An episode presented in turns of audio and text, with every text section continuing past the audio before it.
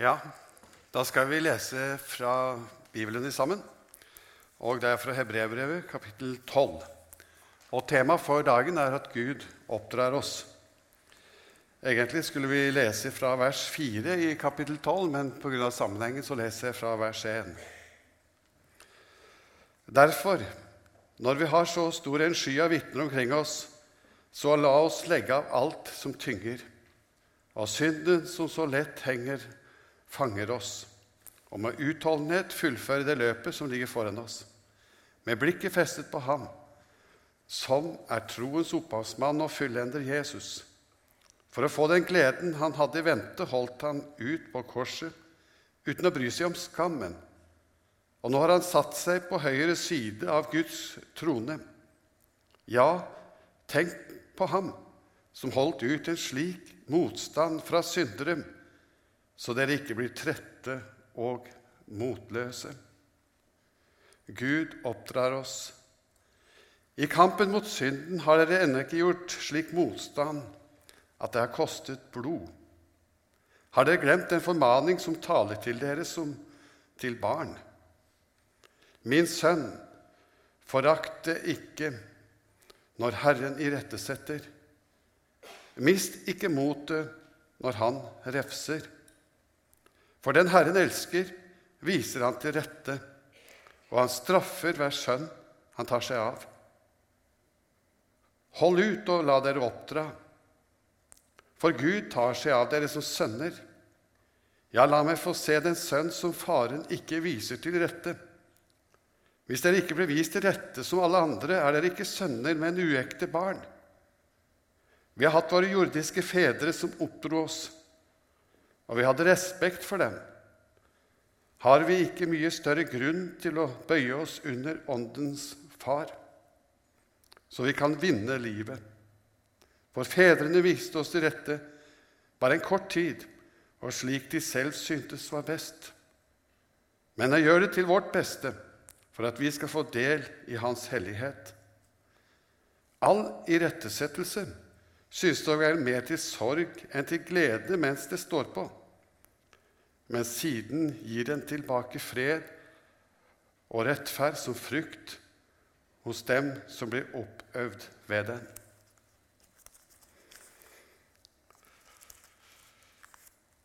Vi har ved flere høve her i forsamlingen talt om lidelse og sett på dens utfordringer. Blant annet så har vi snakket om Jeremia og Jobbs bok, som er på en måte en undervisning om lidelsens problem. Og For noen uker siden så tok vi også fram dette med at vi har en frelser som lider med oss. Vi har understreket på forskjellig vis dette at sjøl i lidelsens time er det Gud som har ansvaret. Han har all makt. Makten hos Gud er ikke redusert på noe tidspunkt. Og Gud, han er stor, han er mektig, han er historiens herre, også i de dager det går oss imot. Og selv om vi studerer dette emnet veldig nøye, så vil det likevel være mye vi ikke skjønner. Jeg skjønner ikke når fedre eller mødre midt i sin beste alder får kreft og dør ifra barna sine. Jeg forstår ikke når epidemier, sultkatastrofer osv. herjer. Jeg forstår simpelthen ikke Gud. Men allikevel vi tror på Gud, himmelens og jordens skaper, Han som har all makt i sine hender. Han er på tronen fortsatt. Vi tar også avstand fra det som vi kaller for herlighetsteologi. Det som lover oss å få himmelske tilstander allerede her på jorden før vi kommer til himmelen. Dette avsnittet som vi nå leste i lag, det handler litt om tukt. Det understreker at vi skal stride troens gode strid. At vi skal se på troens opphavsmann og fullender.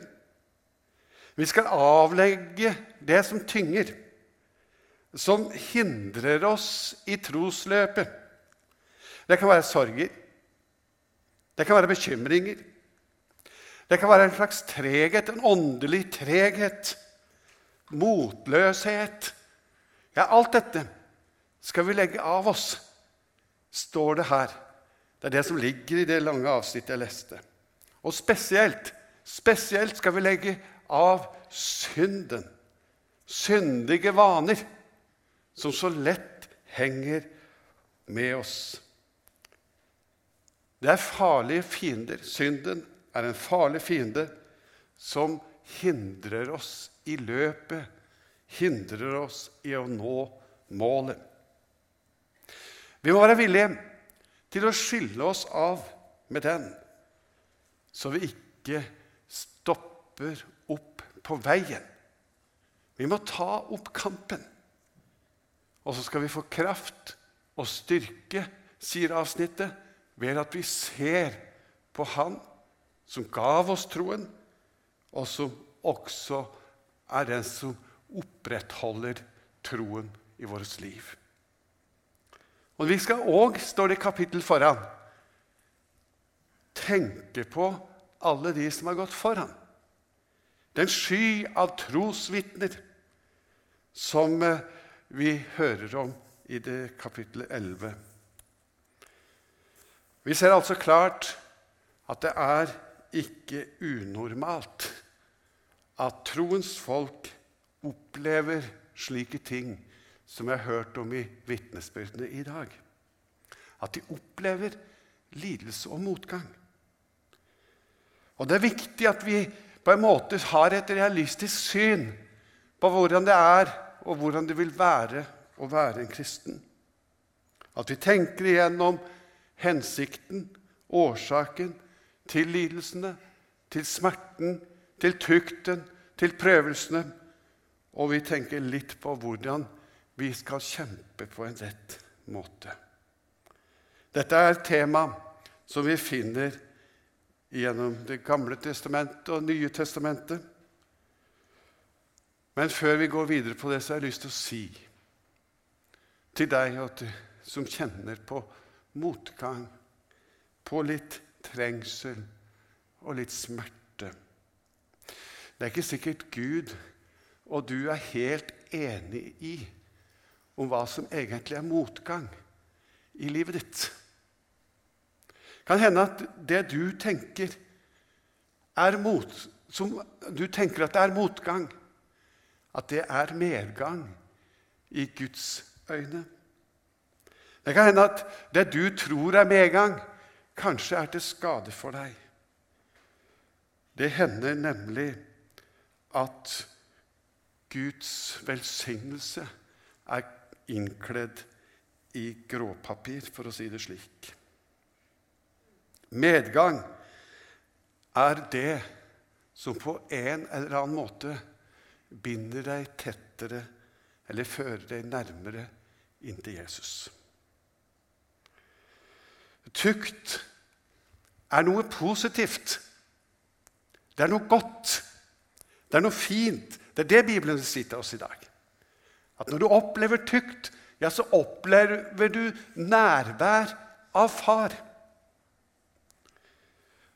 Ja, tukt hører det ekte barneforholdet til. Og jeg tør påstå at tukt er mer verdt enn gull. Og det var det samme som ble lest i bibelverset i stad.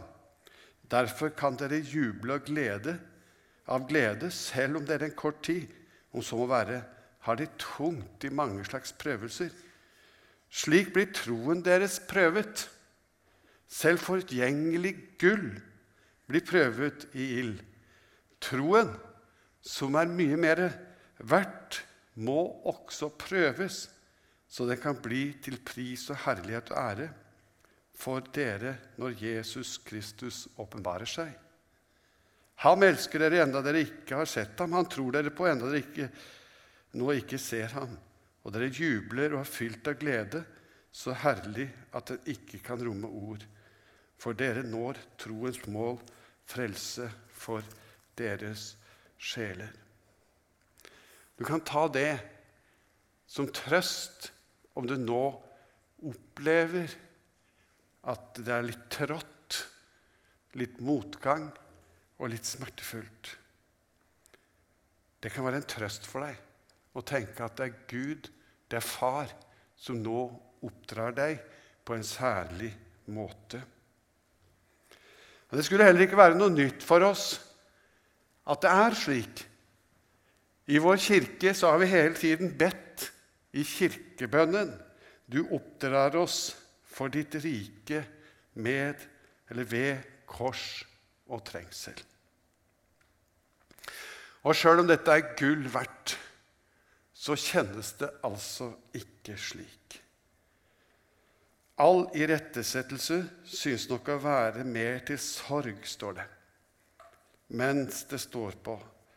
Men siden, altså senere, gir den tilbake fred og rettferd som frukt hos dem som er oppøvd ved det. Altså Som en følge av dette så skal du oppleve at det blir fred og rettferd. Jeg har lyst til å vise et bilde av vår innvandrerkonsulent, Peter. Ja, Han står jo rett bak her og ser på meg, kikker meg i nakken. Og, og grunnen til at jeg skal vise fram han Som dere vet, så arbeider han her i forsamlingen. Dere har sikkert kjent, eh, hilst på han. Han er til stor velsignelse for oss. Men han har hatt sin kamp. Han har vært prest i en pakistansk kirke. Ja, han var faktisk biskop i den lutherske kirken i Pakistan. Så opplevde han at mobben tente på kirken hans. Han mistet huset sitt, bilen sin, bøkene sine som han var så glad i. Tusen stykker, sa han. Mens de brant kirken ned. Så kan vi ta neste. Da satte jeg dem inn i avisen, en notis.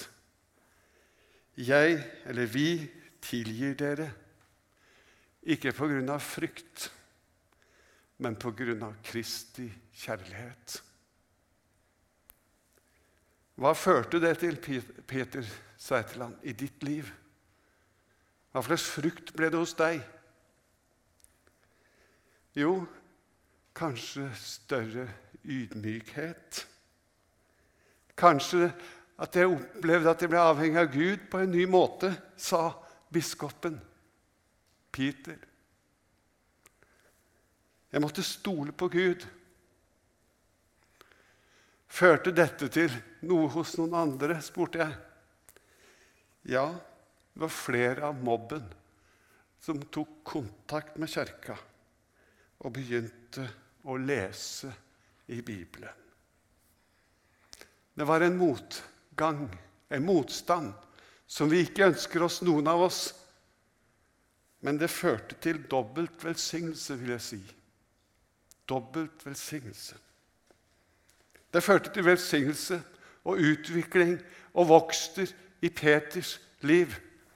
Men det førte også til velsignelse for de som var rundt ham.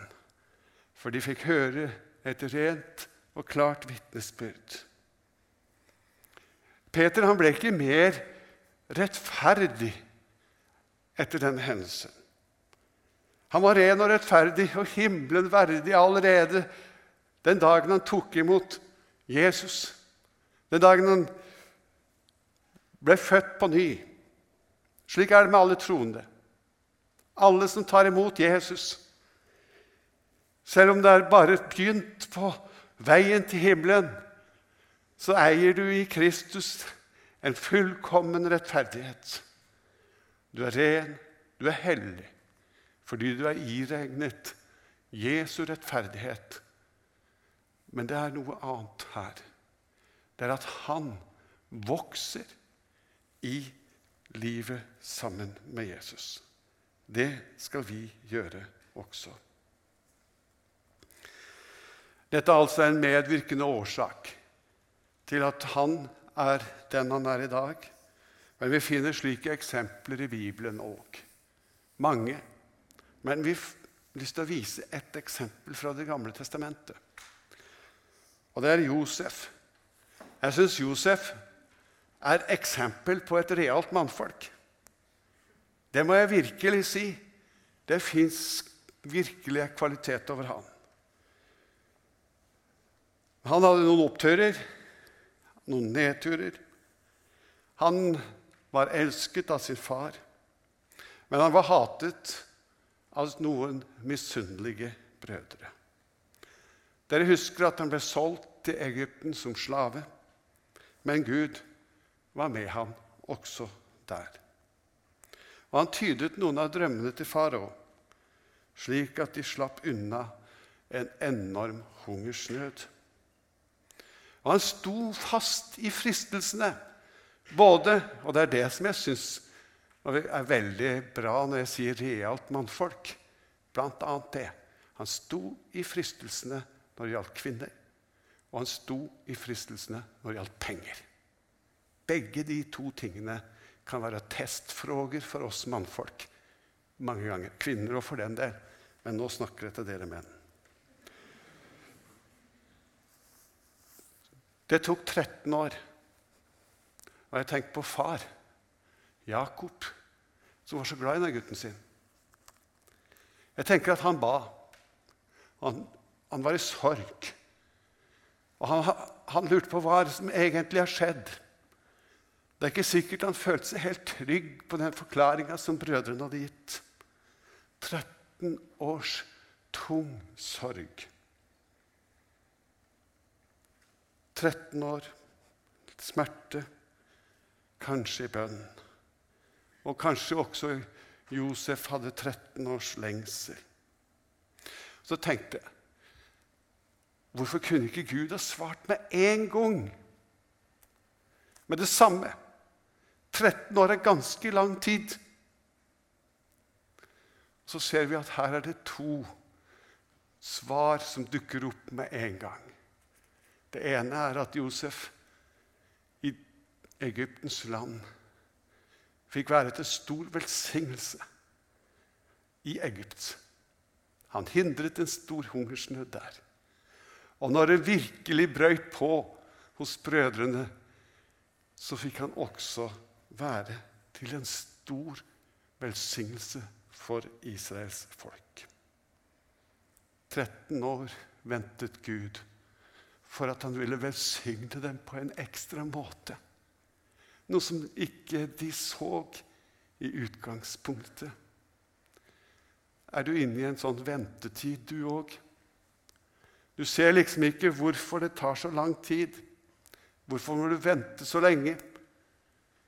Kanskje er det nettopp den oppdragelsen Gud gir deg, og kanskje er det slik at det er noe ekstra velsignelse som ventes der framme.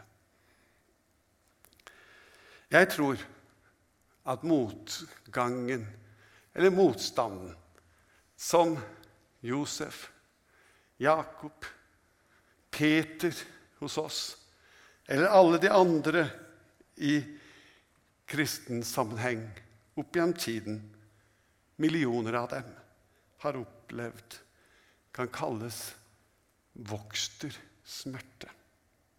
Vokster rent personlig, ja, men kanskje er en del av den vokstersmerten som skal være i Guds rike. Kanskje ikke alltid at smerten du bærer på, er en del fordi at du skal på en måte utvikles, men kanskje du skal bli noe for de andre. Vi er et legeme som kristne. Vi hører til hverandre. Vi, vi, vi, vi står i en sammenheng. Det er ikke bare én og én som individer. Du er knytta i lag i en menighet. Og så hender det at de prøvelser som du har fått, skal du gå igjennom fordi at du skal nærmest få en høgskoleutdanning, praksis på en måte, om hvordan du skal trøste andre med den trøst du selv har fått. Slik som i vitnesbyrdet her i stad. Det var jo det som skjedde. Begge vitnesbyrdene er at det er trøst til oss andre. Det er en del av Guds utdannelse for oss. Én ting vet vi i alle fall. At alle ting tjener det til gode som elsker Herren. Det å være kristen, det er ikke bare noe sånn mekanisk, et slags statisk forhold. Nei, det er å leve i livssamfunn med Gud. Du lever i samfunn, i fellesskap med Jesus. Og Det betyr at du deler kår med ham. På samme måte som de hatet meg, så vil de hate dere. Du kan ikke regne med å få bedre kår enn Jesus hvis du er en kristen. Og så er det et liv som skal vokse, som skal utvikle seg, slik at du får bære frukt. Dere som er hellige, dere skal bli det de er. Første Tess 5. Må Han, fredens Gud, hellige dere helt igjennom. Og må deres ånd, sjel og kropp bli bevaret uskadet, så det ikke kan klandres for noe når vår Herre Jesus Kristus kommer. Trofast er Han som kaller dere til dette. Han skal også fullføre det. Så er det løfter til dette å være under Guds behandling. Han skal gjøre det. Han oppdrar deg med kors, ja, og trengsel, ja, og med masse, masse glede og lovsang og takk. To perspektiver vil jeg minne om. Det er at trengslene er på mange måter vokster smerte. Men de vokster smertene som du kjenner på, de er tidsbestemt. Det vil alltid kalles kort tid, mens gleden for en kristen vil det alltid være evig. Lovsangen skal aldri ta ende, den. Men klagesangen skal stoppe opp en dag. Den er kort. Og den trengsel du kjenner nå, om du var ett eller 13 år, den er kort. Den er tidsbestemt. Mens gleden for deg som er nær Jesus og holder deg hos Han, den er evig. Så jeg tror Gud Jeg tror Gud vil lære oss å tenke langsiktig. Han vil lære oss å tenke evighetsperspektiv. Han vil lære oss å se alt i en mye større og videre sammenheng. At om ett lem lider, så lider alle. Trøst med den trøst som dere selv har blitt trøstet. Han vil lære oss å se livet litt utenfra, utenfor den lille sirkelen som heter meg. Han vil lære oss å se oss, fellesskapet. Og så vil han lære oss å se evigheten. Det vil han lære deg og meg. Så vil jeg si til deg, du som kjenner nå på at du er liksom i litt mot, motbakke med ditt liv. Da vil jeg bare hviske deg stille i øret tap ikke motet. Gi ikke opp, for Han som er og tukter deg, har en fars kjærlighet til deg. Du skal ikke bli overrasket om du opplever litt av dette. Om du bytter litt i livet ditt. Om det kladder litt for deg. Han oppdrar deg på denne måten. Han vil nemlig gjøre deg avhengig av han. Han vil ikke at du skal være selv sterk i egen kraft, men han vil at du skal hvile i hans, hans eh, hender. Og så er det slik at når en lider, en kjenner på dette, så lider de andre i fellesskapet. Og i dag, som ellers på disse gudstjenestene, er det muligheter til å søke hjelp i forbønn, slik at om du sliter, så er du hjertelig velkommen til å dele din byrde med noen som vil be i lag med deg. Amen.